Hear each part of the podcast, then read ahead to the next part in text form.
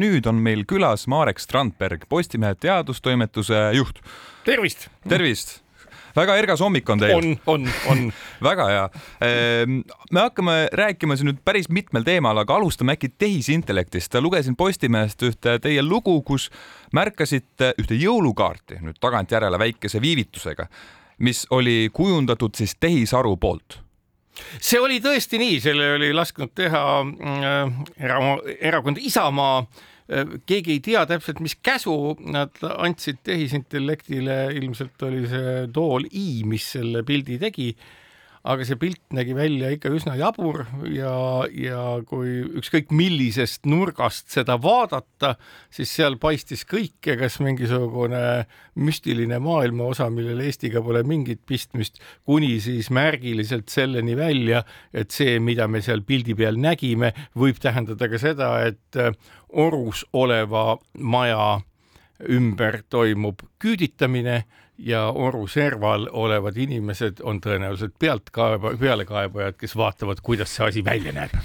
kuulajale siis natuke selgituseks, kes ei ole seda pilti näinud, siis äh, pildi peal on tõepoolest äh, talurõivais Eesti pered seisavad lumisel mäekünkal ja vaatavad alla siis talumajade peale, kus on, maja ees on ikkagi furgoon kas kastiauto see vist päris ei ole, aga ühesõnaga. pimedate akendega furgoonauto väike veoauto ja veel üht-teist ja vatijopedes mehed, kes midagi ajavad rahvariietes naistega.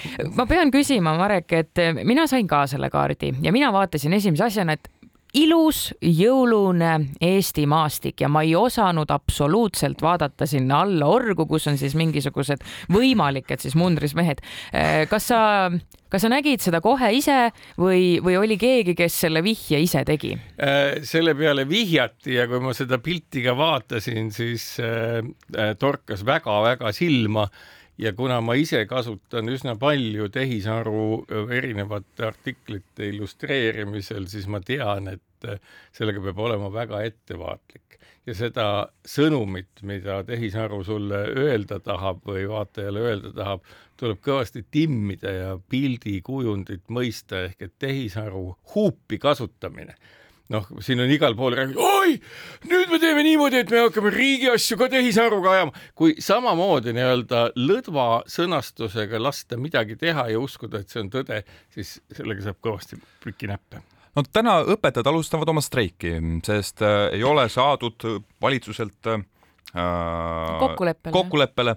Ja mu küsimus ongi see, et kas, kas tehisarule oleks mõistlik anda see valem ette, need andmed ette, mis võib-olla siis otsiks selle koha, kust leida õpetajate jaoks see raha, see kümme miljonit? ja selle jaoks peab kõigepealt seda tehisaru veidi õpetama just nimelt nende andmetega, mille nimi on siis riigieelarve, selle koostamine ja kõik muu ehk et ega äh, see, mis joonistab kummalise jõulukaardi tehisaru kusagil arvutimälu sügavusis ei ole päris sama koht, mis suudab eelarvet analüüsida, need on veidi erinevad asjad, aga tehisaru kasutamine nõuab noh, arukat lähenemist. Ja selles mõttes andmeanalüüsi ja masinõppega on ju tegeletud kümneid aastaid ja see, et tehisaru on igapäevaellu tulnud, ongi selle chat GPT ja OpenAI nagu saavutus. Ehk et eh, meie ümber on see kogu aeg olnud. ma, ma ei usu, et eh, nüüd tehisaru nagu, no see oleks üsna pentsik, kui keegi ütleks, no ega me kokkuleppele muidu ei jõua, aga vaat kui tehisaru ütleb, no vot siis jõuame. ehk et ikkagi inimeste kokkulepped ja inimeste kultuuri mõistmine on see, mis noh, see ongi ju põhimõtteline küsimus, et aru saada, et haridus ei ole teenus, vaid see on kultuuri osa ja, ja, ja me ei saa käsitleda seda nagu tavapärast mingit majandusprotsessi. see on küll jah, majandusprotsess, aga väga oluline majandusprotsess ma korraks hüppaksin hea meelega tagasi ikkagi selle, selle artikli juurde. erakond ja, ja selle jõulukaart. kes nüüd kuulama hakkas, siis meil on stuudios Marek Strandberg. Mis seal kaardi peal siis ikkagi toimub, et me väga viisakalt siin ähm, kompame, aga mis seal kaardi peal on, mida mina nägin lihtsalt jõulumaastikuna Eesti talu, ähm, talurahva ja, ja sellise jõuluse pildina, mis seal siis on? no see on. kas me teame kindlalt? ei, me ei on? tea, mis seal on, sellepärast et me ei tea esiteks käsku, aga kui me võtame nii-öelda noh, millest tehisaru lähtub, on ju kõikvõimalikest andmetest, ta on läbi lugenud kogu interneti ja kõik sündmused ja asjad. me ei kujuta ette, kui palju seal teadmist on. no põhimõtteliselt põhimõtteliselt ju neljakümne üheksanda aasta märtsikuu, kui küüditamine toimus, oli ka lumine, eks ole mm -hmm., soe, aga lumine, selle tõttu inimesed ei ole seal väga vattides ja jällegi, et see annab nagu tõlgenduseks vaba võimaluse ja see mitmetähenduslikkuses on kõik need tehisaru käsitlused just need, mille tõttu tuleb olla eriti ettevaatlik, et sellist noh, tehisaru loodud pilti pilti, tehisaru loodud sõnumeid uuesti veebi tagasi peegeldada, uuesti ühiskonda peegeldada, sellepärast et väga mitmed inimesed nägidki selles küüditamist. Nad nägid seda, et tõepoolest inimesed on tänavale toodud uhkest majast, seal ees on tumedate klaasidega autod, millega vanasti tõesti küüditatigi inimesi ja, ja nii ongi. mida, mida ütles erakond? Ise selle peale? me ei ole seda küsinud ta käest selles mõttes, et erakond ju selle kaardi peal ütles, mida ta mõtleb, et see on tehisaru tehtud pilt ja erakonna arvates need mehed, kes seal oma naistega ja kahe lapsega seal oruveerul on, laulvat nende mm -hmm. meelest, kuna tehisaru ei teadvat, mis asi on lauluväljak hüüdkem kõik nüüd alla orgu, onju. just, midagi sellist. ja ma saan aru, et äh, te küsisite ju toimetuses ka teineteiselt nõu, et äh, no mitte nõu, vaid arvamust ja, ja erakonna jõulukaardi kohta siis küsisite arvamust ka fototoimetuselt. ja fototoimetuse juht Erik Prooses on eriti tundlik kõikvõimalike kunstpiltide suhtes ja küllaltki selgelt manifesteerinud, mismoodi tegelikult tehisaru tohiks ajakirjanduses kasutada väga spetsiifilistel puhkudel, kui tõepoolest on vaja mingit groteskset illustratsiooni. ja tema esimene reaktsioon oli, et loomulikult see ei ole muu kui küüditamine no kes ei ole kõnealust jõulukaarti veel näinud, siis postimees.ee on ilusti esilehel äh, uudis olemas.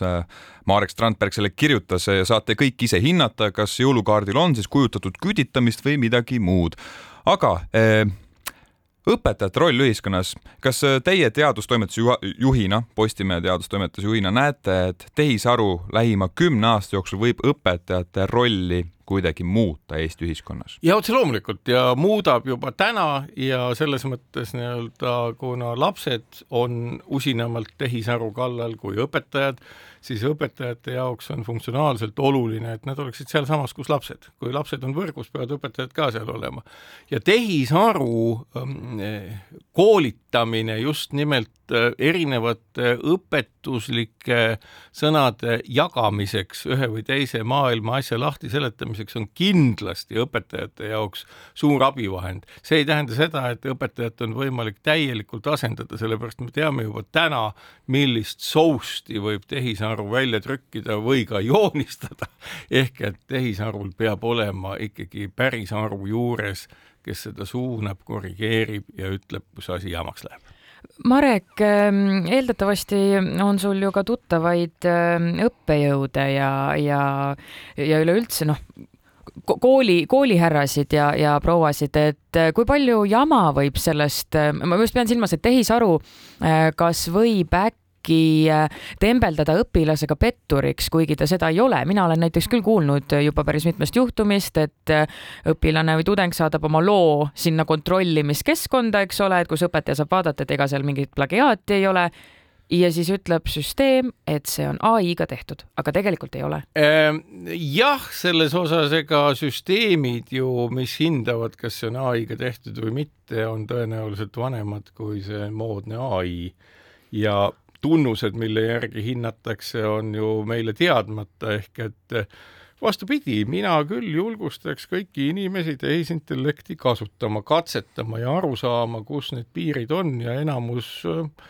eesrindlikke õpetajaid ja õppejõude ütlevad täpselt sama, et eh, see ei ole asi, mis meie ümbert või ühiskonnast ära kaoks, vaid asi, mis on tulnud siia, et jääda ja sellega tuleb õppida noh, koos elama, nagu me teame, viirusega tuli õppida koos elama, aga tehisintellekt on ikkagi äh, selline ja kättesaadav tehisintellekt on ikkagi see, mis kultuuri piire vähendab ja sellega tuleb osata ringi käia, noh, mõnes mõttes ju mootorsaega ja isegi kruvikeerajaga, isegi kääridega tuleb osata ringi käia, et noh, et noh, niisama noh, ei tasu ju näiteks võtta kääri seda peenemat tera ja vaadata, mis ta sul kõhuga teeb, et kas läheb sisse või ei lähe. et iga asjaga tuleb osata ringi käia ja tehisaru on üks nendest. mis mind üllatab, on see, et, et praegu õpetajad ütlevad, nad tunnevad, et neid ei väärtustata piisavalt Eesti ühiskonnas samas ma mõtlen, miks see küll nii on. Eesti on väike riik äh, suures maailmas, me proovi-, peaksime ju proovima leida kõikvõimalikke viise, kuidas äh, selles maailma meres nii-öelda siis edukalt purjetada võib-olla kõrgemale-kaugemale ja saada targemaks ja rikkaks. mu küsimus ongi see, et, et kas milline osa võib olla siis tehnoloogilistel arengutes, arengutel selles, et me ei näe kooliõpetajates Äh, sellist väärtust, nagu võib-olla kunagi me nägime? Äh, no see on olemas ja, ja see, et me ei näe, on paljuski ka selle tõttu, kui otse öelda, et nende esindusorganisatsioon, ametiühingud nimelt on olnud pikka aega ennem neid muutusi, mis täna streigini on viinud, ikkagi selline valitsuse mugavuspartner, et nad on leppinud kõigega. no me näeme ju õpetajate töö tulemust kas või nendes arvukates PISA testides, mis näitavad Eesti koolilaste väga kõrget taset ja neid tasub uskuda. ja nüüd siis ühtäkki mingisuguse noh, rahavaidluse tõttu, kõik me ütleme, et jah, et haridus on tulevik ja nii edasi, nii edasi, seda tuleb nagu praktiliselt ellu viia ka, sellepärast et noh, küll on neid, kes kritiseerivad, ei tea, kas ikka õpetajad teevad viiskümmend või kuuskümmend tundi nädalas tööd, võib-olla kõik ei tee, aga väga paljud teevad. Ja selles mõttes ega me ju oleme harjunud, et ühtepidi see ühiskond ju ütleb, et see on teenus ja kui on hea teenus, siis selle eest pead maksma õiglast hinda. nii lihtne ongi, kuigi ma ütlen jällegi, et tegelikult on see oluliselt laiem kui lihtsalt teenus. Ja me oleme õpetajatele võlgu, me oleme pikka aega olnud võlgu. Igal juhul äh, Marek Strandberg, äh, Postimehe Tehnika- ja Teadustoimetuse juht, äh, suur tänu meile külla tulemast ja tehisaru teemal, erakonna kaardi teemal saate saadet järgi kuulata kuku.ee